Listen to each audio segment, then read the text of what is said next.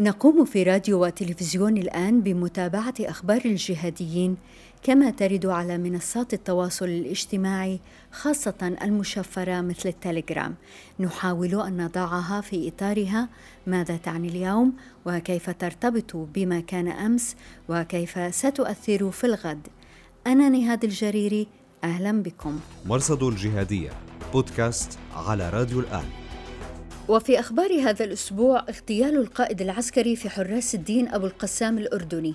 إذا أسقطنا عملية اغتياله آه، وأنا شخصيا يعني أرى فيها عملية تصفية أكثر من عملية اغتيال يعني تصفية من قبل من؟ من قبل آه، على ما يعني يتبادر وما يرد من قبل هيئة تحرير الشام وزعيمها المعروف أبو محمد الجولاني. بارك محدين من مركز غرب آسيا وشمال إفريقيا في عمان سيكون معنا بعد خمس دقائق تقريباً. هيئة تحرير الشام تعتقل الأوزبكي وتفتح كتب عتيقة. القاعدة في إفريقيا تؤكد مقتل دروكديل من دون تعيين خلف. أمير قاعدة الجهاد ببلاد المغرب الإسلامي أبي مصعب عبد الودود على إثر غارة فرنسية بشمال مالي. وداعش في إفريقيا تقتحم مخيما للنازحين بحجة حفظ عقيدة المسلمين. أي حياة تعاش في ظل داعش؟ يراقبوني شو وقت أطلع شو وقت أفوت شو وقت يسمعون إذا أني دا أعزف أو لا ويبلغون طبعا الأكبر منهم. أمين مقداد الموسيقي العراقي وابن الموصل سيكون معنا بعد 20 دقيقة تقريبا للحديث عن يوميات داعش في الموصل.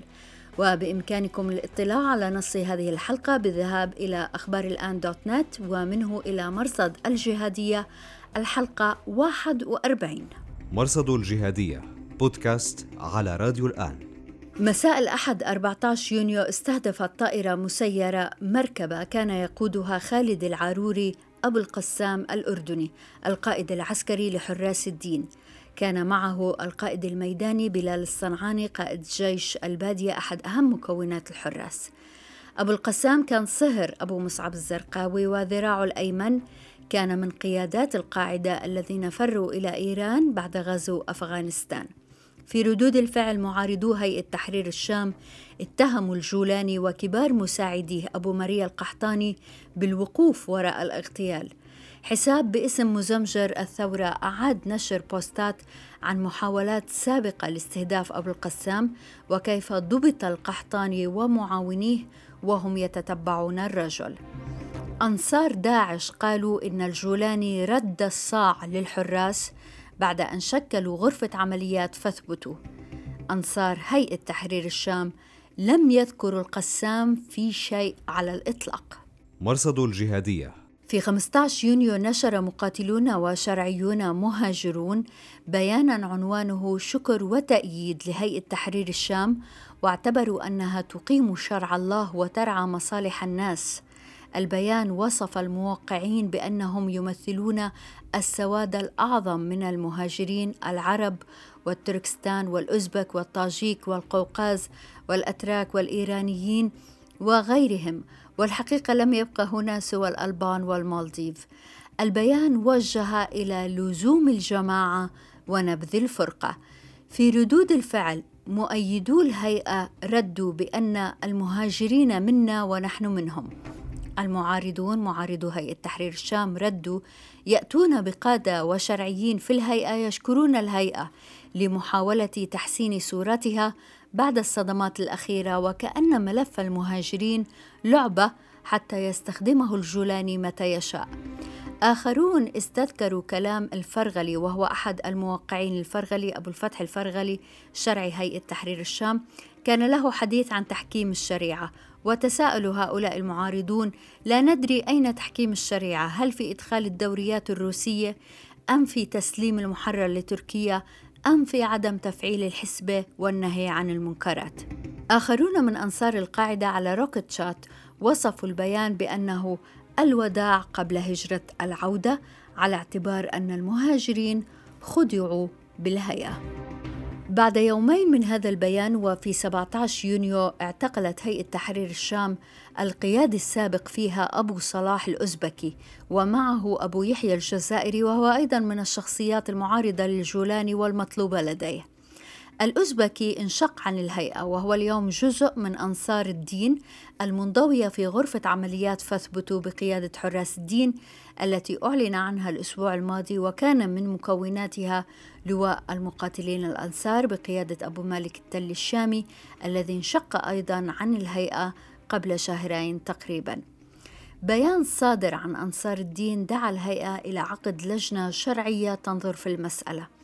ويبدو أن المسألة تتعلق باتهام الأزبكي بالاحتطاب أي السرقة منذ عام ونصف العام.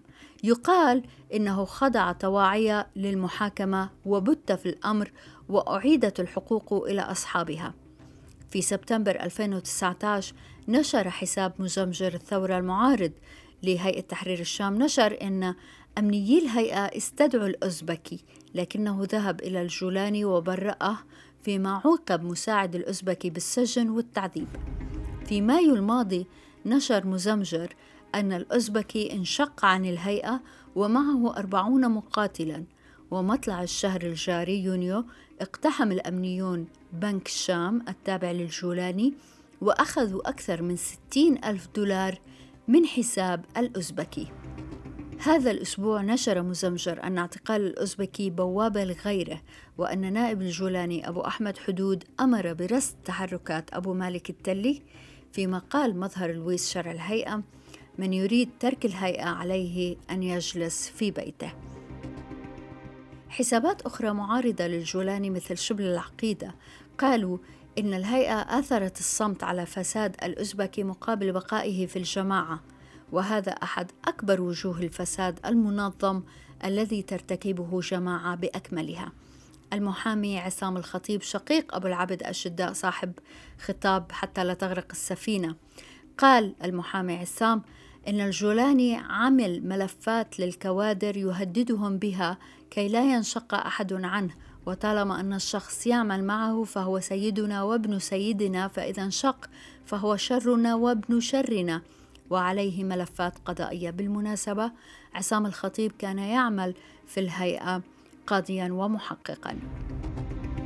حسابات مؤيدة لهيئة تحرير الشام ردت على حجة الانشقاق بين قوسين فقالوا شققت أنت وغيرك قبله الصف ولم تعتقلوا ولم تلاحقوا بل وأنفقت عليكم الهيئة.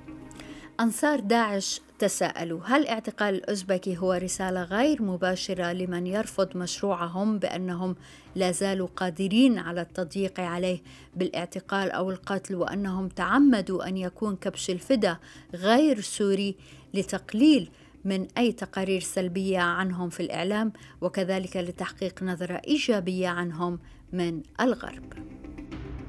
مرصد الجهادية بودكاست على راديو الآن. ولدينا أخبار أخرى عن داعش في إفريقيا وفي اليمن والجدل الدائر حول العذر بالجهل والتكفير. والجزء الثاني من مقابلة أمين المقداد ابن الموصل وذكرياته أيام داعش هناك بعد حوالي ربع ساعة من الآن. لكن أولا ماذا يحدث في شمال سوريا؟ تحدثت إلى الأستاذ بارق محادين خبير الأمن الإنساني والباحث الرئيس في معهد غرب آسيا وشمال إفريقيا وأنا في عمان. شكرا جزيلا لوجودك معنا بالبرنامج تلبيتك الدعوة بوقت قصير أستاذ بارق شكرا. شكرا شكرا لك ستي بالعكس نتشرف يعني بالوجود معكم أكيد. تسلم. آه، أستاذ بارق ما أكثر ما لفت انتباهك في قتل خالد العروري أبو القسام الأردني بشمال سوريا؟ هاي ليست يعني لم تكن المحاولة الأولى على حياته بل هو تعرض قبل ذلك إلى ثلاث محاولات اغتيال. آخرها كان أذكر بأبريل 2019 من العام الماضي يعني شهر أبريل ونجا منها آنذاك. فهاي يعني بنقدر نحكي هذا هو الشق الأول يعني من من الأهمية ومن ما هو ملفت. آه، الشق أو الصعيد الثاني واللي أنا أعتقد هو أكبر أو أكثر أهمية ربما اللي هو آه، إذا أسقطنا عملية آه، اغتياله وأنا شخصيا يعني أرى فيها عملية تصفية أكثر من عملية اغتيال. يعني تصفية من قبل من؟ من قبل على ما يعني يتبادر وما يرد. من قبل هيئة تحرير الشام وزعيمها المعروف أبو محمد الجولاني. الفكرة هون بأنه هاي عملية التصفية أو الاغتيال تسقط إسقاطا جيدا إذا إذا قرأناها في مناخ التنافس الحاد بين التيارات السلفية الجهادية عموما في سوريا والعراق ولكن إذا ما أسقطناها أكثر بدقة وموضوعية على الانشقاق داخل تنظيم القاعدة في سوريا. فبالتالي يعني القضية أقرب إلى أن تكون يعني آه، صراع على من آه، يتجرأ ومن لا يتجرأ على أن يخرج خارج خط آه، هيئة تحرير الشام أو ما يعرف بتنظيم النصرة سابقا. لأي درجة إنه استهداف القادة الأردنيين مهم بالنسبة للجولاني إذا افترضنا طبعا إنه هو يقف وراء هذا هذا الموضوع آه، للأمانة يعني أنا شخصيا لا أرى بالموضوع يعني في شق منه بلا شك. شق مرتبط باستهداف القادة الأردنيين إن أحببتي نظرا لأنه في مجموعة من القادة اللي اللي كانوا من من من رعيل أبو مصعب الزرقاوي ويتشاركوا معه الكثير من وجهات النظر ومن التصورات والرؤى حول كيفية العمل والأمور التقنية والعملياتية وحتى من باب الفتاوي والعقيدة يعني عموما. هؤلاء يشكلوا خطر آه، واضح وصريح يعني على آه، أبو محمد الجولاني وعلى طريقة عمله وتفكيره. يعني إحنا بالبداية خلينا لا نغفل بأنه حتى ظهور وبروز تنظيم داعش آه، هو هو كان التنظيم بالبداية يعني ابن للقاعدة في وقت ما ولكن تطرفه بالرؤى لف يعني لفظوا إلى الخارج وحاول أن يصنع شيء مختلف أو ينتفض ردتي على تنظيم القاعدة. ما تبقى من ال ال ال القيادات الأردنية آه، في هاي الجماعات آه، آخرها طبعا أو يعني أبرزها كان خالد العروري آه، كان من المهم جدا تصفيتهم حتى لا يشكلوا حالة أخرى من من ما شاهدناه مع تنظيم داعش وتنظيم الدولة الإسلامية. ولكن أنا يعني أيضا أعتقد يجب أن يقرأ المشهد بعدسة أوسع قليلا الفكرة ليست بالشخص آه، هل هو أردني أم سعودي أم كويتي أم إلى ذلك بقدر ما هي بفكرة التنافس حول من يجب أن يتسيد المشهد والزعامة في هاي التنظيمات. يعني ما ننسى قبل آه، بيومين أعتقد آه، من اغتيال خالد كان في صدر عندنا البيان التأسيسي لعملية غرفة العمليات المشتركة فاثبتوا اللي قام فيها اللي اللي يعني دعت لها آه، جماعة أنصار آه، آه، حراس الدين عفوا فبالتالي يعني هاي إجت على على هذه الخلفية وإذا كيف بتشوف مستقبل هذا التنظيم حراس الدين تحديدا في شمال سوريا؟ تمام.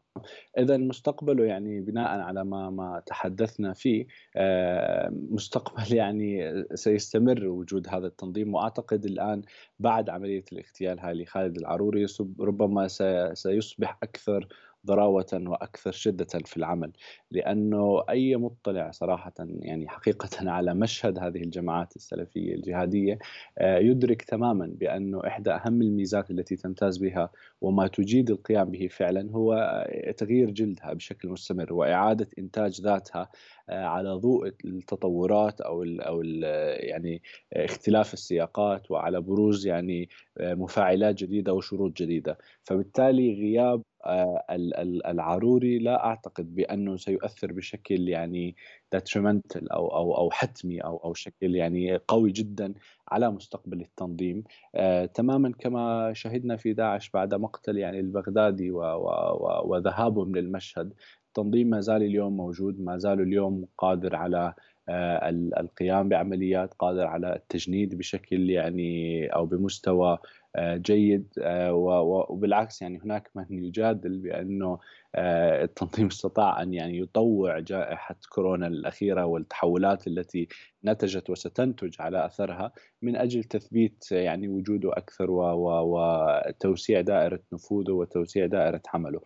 وإذا آه، يعني أضفنا بعد آخر لهذا الحديث وهو البعد المرتبط بأنه هيئة تحرير الشام أو كما يقال يعني أبو محمد الجولاني قادرين آه، ولديهم الجاهزية والرغبة آه، بأن يقوموا بعمليات اغتيال كتلك التي شاهدناها مع العروري ومختلف يعني الجماعات أو أو أو عدد أكبر من الأشخاص.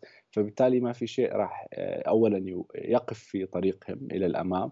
وثانيا يعني هذا مؤشر دامغ وحقيقي على أهمية آه هذا الملف بالنسبة لهم. يعني لن يسمحوا باستمرار هذا الانقسام وبخروج جماعات جديدة وهو ما سيذكي نار خروج جماعات جديدة. يعني هناك تكمن المفارقه يعني عم نحكي عن عن فيش سايكل يعني دائرة هيك مفرغة أو حلقة مفرغة آه لا أرى للقاعدة مخرج منها في الأفق يعني ذكرت داعش أستاذ محدين والحقيقة في التحضير لهذه المقابلة قرأت نعم. لك مقال بالجوردن تايمز كتبت فيه عن البيئة المواتية اللي مكنت صح. داعش من الاستحكام صحيح. بسنة 2014 لما لما أعلنوا الخلافة وما إلى ذلك صحيح. وهلأ عم بيصير في كلام عن إنه الآن في ظروف كمان مواتية لحتى يرجع داعش. صحيح. أشكرك يعني على ذكر هذا المقال. مع إنه كان مقال قصير ولكن أعتقد يعني كان واضح جدا آنذاك بأنه الشروط الموضوعية والمظالم السياقية التي على الأرض يعني والتي سهلت ومكنت تنظيم داعش من البروز إلى السطح آه، يعني كان هدفي من المقال أنا ذاك للإشارة بأنه هي ما زالت موجودة اليوم لأنه أعتقد هو جاء بعد ما تم الإعلان عن هزيمة داعش عسكريا وذهب البعض إلى قول يعني بأنه بما معناه انتهينا هيك إيه، من التنظيم بهذا الشكل. آه، فكان في تيار يعني واسع من من يعني من الأشخاص اللي عم يشتغلوا بهذا المجال اللي ارتأوا بأنه من من الخطأ جدا القول بأنه تنظيم داعش انتهى لأنه مجددا الشروط التي نشأ عليها ما زالت موجودة.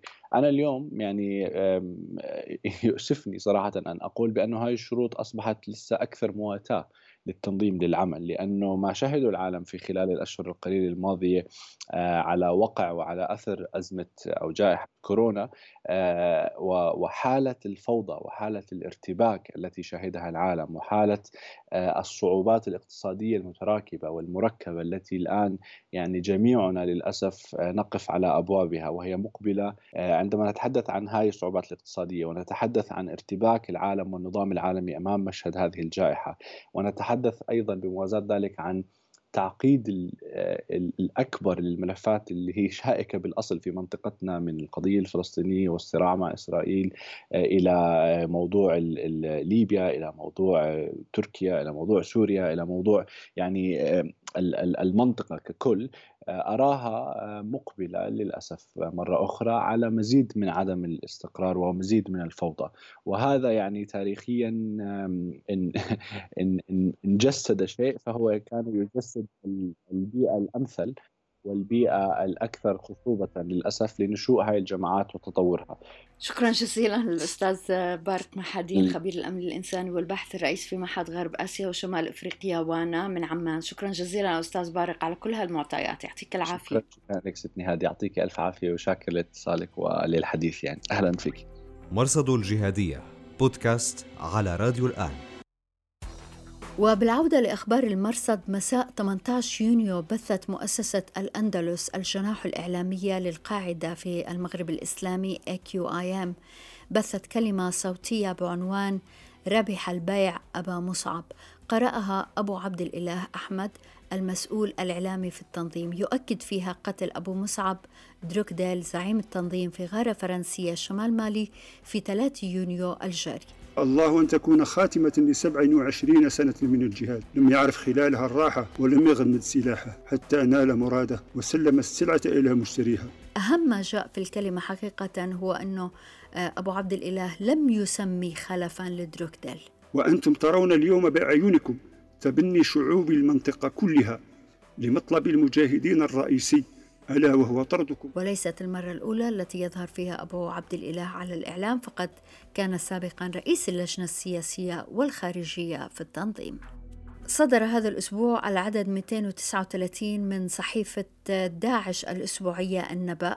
في الصفحة 8 تقرير طويل بعنوان ولاية غرب إفريقيا غزوة منغونو حفظا لعقيدة المسلمين. عن هجوم نفذه مقاتلو داعش ضد مخيم للنازحين. قالوا إن فيه منظمات دولية تحرض على الرذيلة. ودعوا النازحين البائسين إلى العودة إلى أماكن سكنهم التي تشكل ساحة حرب لداعش. والحقيقة هذا المقال الطويل هذا التقرير فيه تناقضات طويلة يبرر فيها داعش استهدافهم للمدنيين. مرصد الجهادية بودكاست على راديو الآن. هجوم متبادل على التليجرام بين داعش وأبو محمد المقدسي منظر القاعدة. المقدسي علق على جزء من مقال الأسبوع الماضي في النبأ. كان هذا المقال يتحدث عن استهداف القاعدة لمقاتلي داعش في إفريقيا. في هذا الجزء يقول داعش أن بعض قيادات القاعدة يقيمون في مدينتي تنزاوتين وتيمايوين جنوب الجزائر.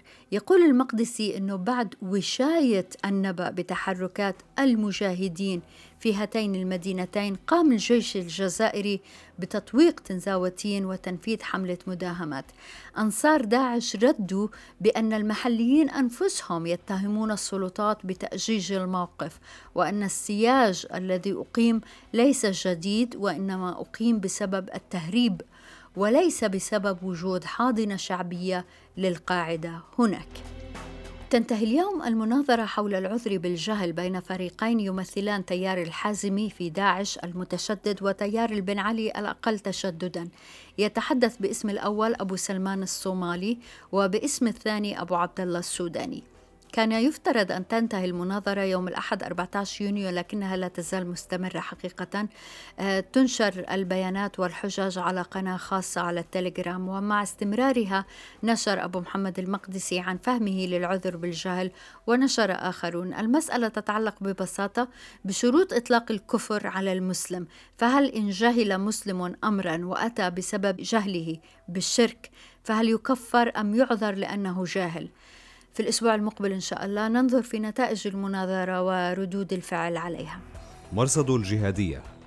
نشرت مؤسسة التراث العلمي التي تضم تيار البن علي المنشق عن داعش مقال لابن جبير بعنوان إني بريء منهم وإنهم مني براء. في الواقع هذا الأمر يتعلق بالمناظرة. يتحدث فيها ابن جبير عن كيف خدعوا بالبغدادي وبطانة السوء التي كانت تأمره بالشر وتحضه عليه حتى أصبح المظلوم بلا ناصر والظالم بلا رادع وبخاصة إن كان من أكابر القوم. وكيف انتهى بهم الأمر؟ جماعة تكفر المسلمين بالمظنة وتقتل بالشبهة. نشر أبو قتادة الفلسطيني وهو من منظري القاعدة وإن كان هذه الأيام أقرب إلى هيئة تحرير الشام نشر عن مسألة إقامة الحدود أنه لا تجوز إقامتها قبل تعزيز الحكم.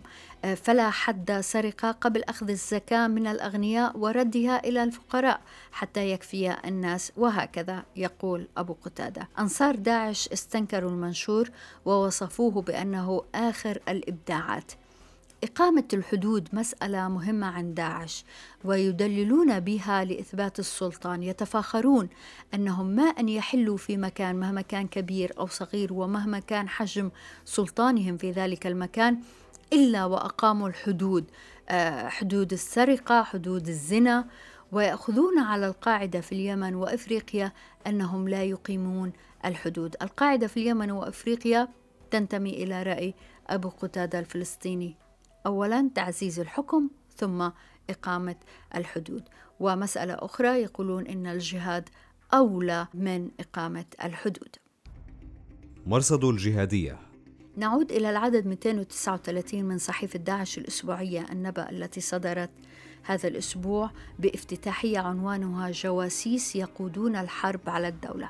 خلاصة المقال هي أن قيادة القاعدة في شبه جزيرة العرب كانت تحرض أعضائها على قتال داعش ومن يتشدد في ذلك كان ينال مراتب عليا في التنظيم وكان مرضي عنه وأن التحالف كان يغربل هؤلاء. فمن يتوقف عن قتال داعش كان يقتل إما بالقصف أو بالاتهام بالجاسوسية. والحقيقة المشكلة في هذا الطرح هو أنه بعض أسماء المتهمين بالتجسس في القائمة اللي نشرها داعش نفسه كانوا يوصفون بأنهم شديدين في قتالهم داعش فهل فتئت عزيمتهم لاحقا؟ علامة استفهام أنصار داعش الذين كشفوا أول مرة عن مسألة الانعزال الكبير نشروا هذا الأسبوع قصة صالح العامري وقالوا إن قيادة القاعدة اتهمته بالجاسوسية فإن أراد أن تزال التهمة عليه أن ينفذ هجوما انتحاريا في داعش. ومرة أخرى المشكلة هي أن جماعة المتظلمين الذين أرادوا محاكمة الريمي ومحاكمة باترفي والذين استغاثوا بالظواهر ذكروا أن ممن صدرت فيهم أوامر اعتقال على أساس الاتهام بالجاسوسية لم يعلموا بها أصلا لأنهم كانوا في المعركة وقتل بعضهم هناك. ومرة أخرى نشرت نفس المجموعة مجموعة داعش على التليجرام نشرت يوم 20 يونيو تحت عنوان متابعات قائمة بأبرز الجواسيس الذين قادوا الحرب على داعش وقالت إنهم جميعا كان لهم دور في محاربة داعش والتحريض عليها إعلاميا وعسكريا. الحقيقة العلاقة واهية بين ما جاء في آه، هذا الحساب حساب لداعش خاص في اليمن وما جاء في الافتتاحية افتتاحية النبأ لهذا الأسبوع. وللمزيد أعتدنا في تلفزيون الآن ملف كامل عن أبو مريم الأزدي الذي كان في صلب حديث جماعة المتظلمين الذين طالبوا بمحاكمة آه، باترفي والذين اعتبروا أن الاتهام بالجاسوسية يتم بشكل عشوائي وبشكل جزافي آه، من دون أي أسس لا في الاتهام ولا في التحقيق آه، بإمكانكم الذهاب إلى أخبار الآن دوت نت والبحث عن آه، ملف أبو مريم الأزدي مرصد الجهادية بودكاست على راديو الآن إذا كيف تبدو الحياة في ظل داعش؟ في يونيو 2014 استحكم داعش في الموصل وبعد أقل من شهر أعلن البغدادي الخلافة.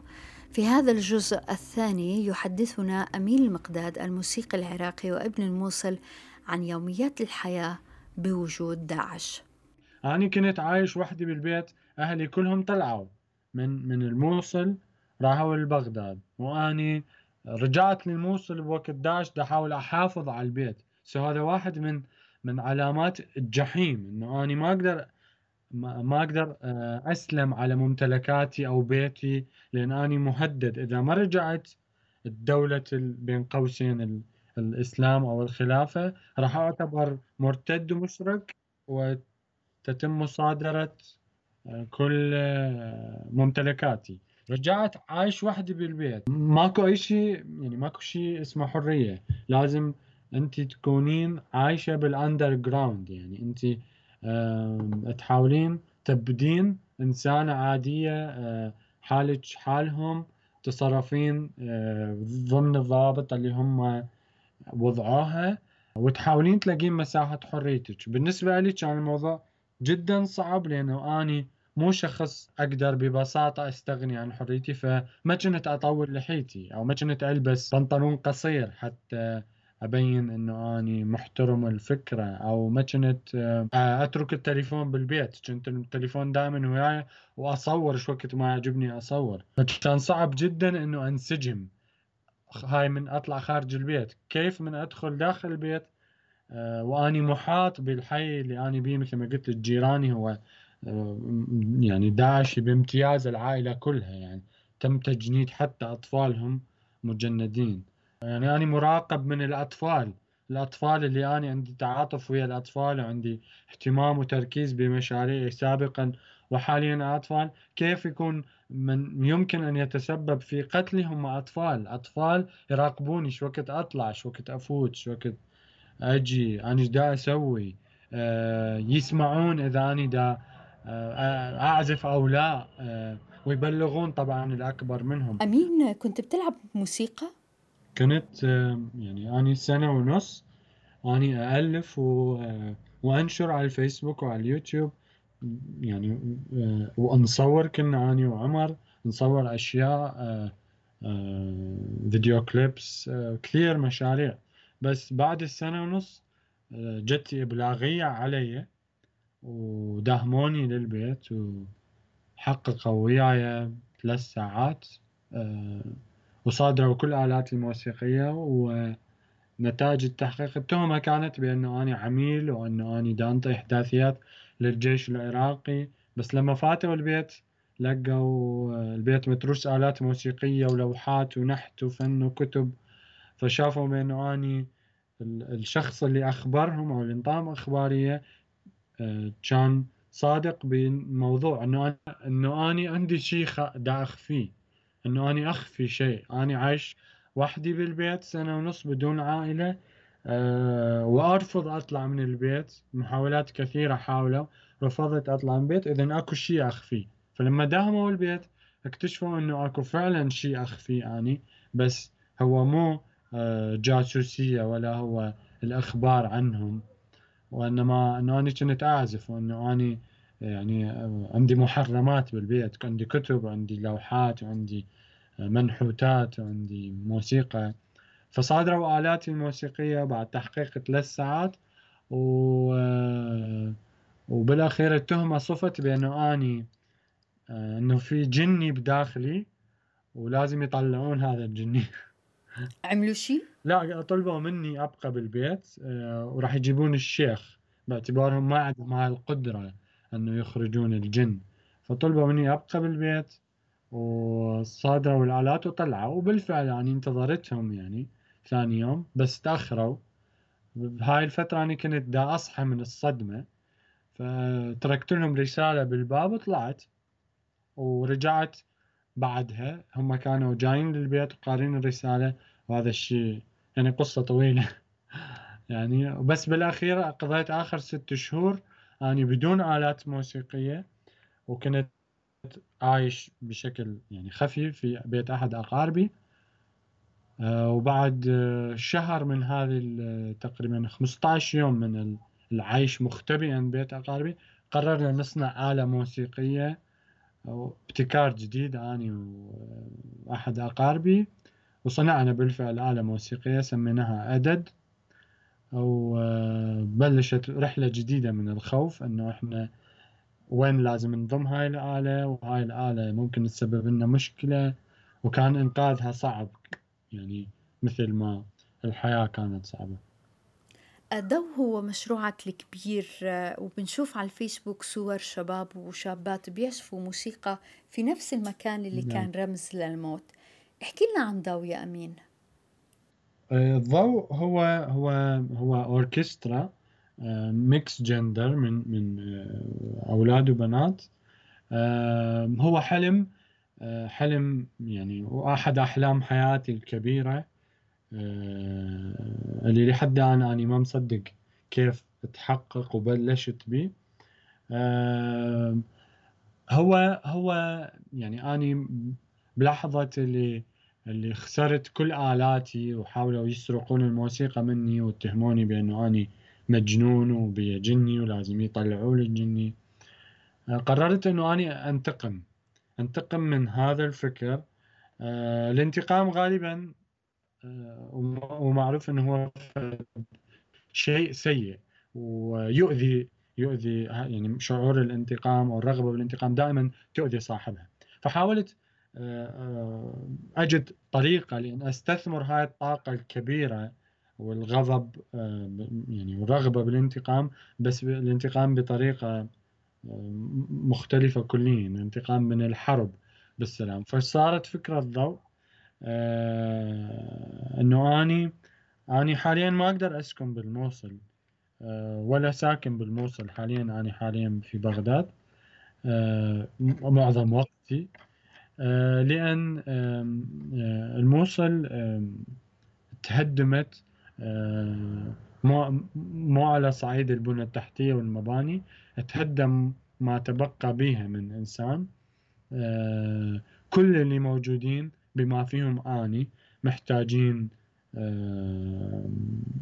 يعني therapy mental therapy إحنا محتاجين شيء جاد جدا آه، حتى نقدر آه، نخلق أفراد آه، طبيعيين من جديد.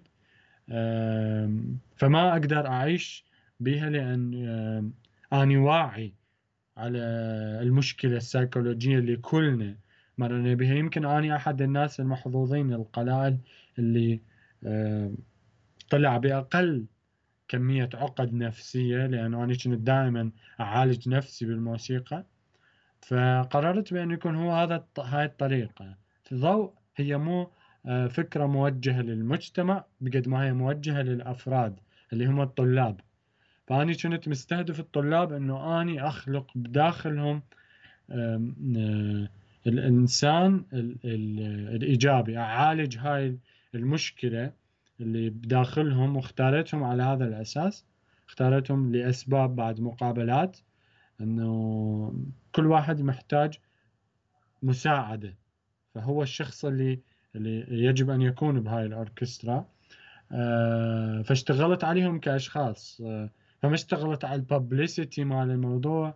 ما سمحت لأي وكالة أنباء أو صحفيين يغطون ولا يصورون بداخل المحاضرات إطلاقا لأن كانت الورشة بالنسبة لي هي music therapy هي آه، تستهدف الطالب كطالب كحالة وبالتالي هذا الإنسان راح يقدر يأثر بالمجتمع اللي هو أيضا محتاج music therapy ف آه، وهذا الموضوع آه، يعني بالنسبة لي كان جدا مثمر وفعال. أساس الأوركسترا كان أنه الأوركسترا تعزف بالمناطق العامة. الأوركسترا ما تصعد stage ولا تعزف بالطريقة ال standard لتقديم الموسيقى إنه إحنا ما ننتظر الناس تجي للموسيقى لأنه الناس ما راح تجي للموسيقى لأن هي ما تعرف حاجتها إلها. آه راح إحنا نجي للناس. فكنا سوينا tour آه على محلات الآيس كريم بالموصل اللي غالبا بها عوائل نساء وأطفال اللي هم الشريحة الأهم بالنسبة لنا آه فكنا نوقف ننصب ستاندات ونعزف آه، أربع أو خمس قطع موسيقية آه، تعلموها خلال شهرين بس بوتيرة آه، يعني تطور جدا عالي وأنا جدا سعيد بها فكانوا الجمهور مالتنا هم الناس اللي تمشي بالشارع الناس اللي قاعدة تاكل آيس كريم أطفال بنات أمهات آبائهم كملت الورشة واستمرينا على هذا الموضوع لما رجعت لبغداد أني وبعدني على تواصل مع طلابي هم كملوا بدأوا شعروا بلذة الموضوع فبلشوا هم يطلعون بدون آه، حتى ما ياخذون آه، يعني ما يقولوا لي يفاجئوني بفيديو إنهم راحوا لفلان منطقة. اليوم حطوا بالهم فلان محل آيس كريم راح يأسفون يمه. وهكذا وبلشوا هم هسه يعلمون ناس آه، يعني آه، يجذبون ناس للموسيقى اللي هي ب يعني ب بدورها أيضا هي حالة أو طريقة للعلاج بالموسيقى. أمين المقداد الموسيقي العراقي وابن الموصل شكرا جزيلا لوجودك معنا. تسلمين شكرا. وحساب أمين على الفيسبوك موجود في نص هذه الحلقة. بإمكانكم الاطلاع على النص بالذهاب إلى أخبار الآن دوت نت ومنه إلى مرصد الجهادية. الحلقة 41 شكرا جزيلا لوجودكم معنا في راديو وتلفزيون الآن. أنا نهاد الشريري مع السلامة. مرصد الجهادية بودكاست على راديو الآن.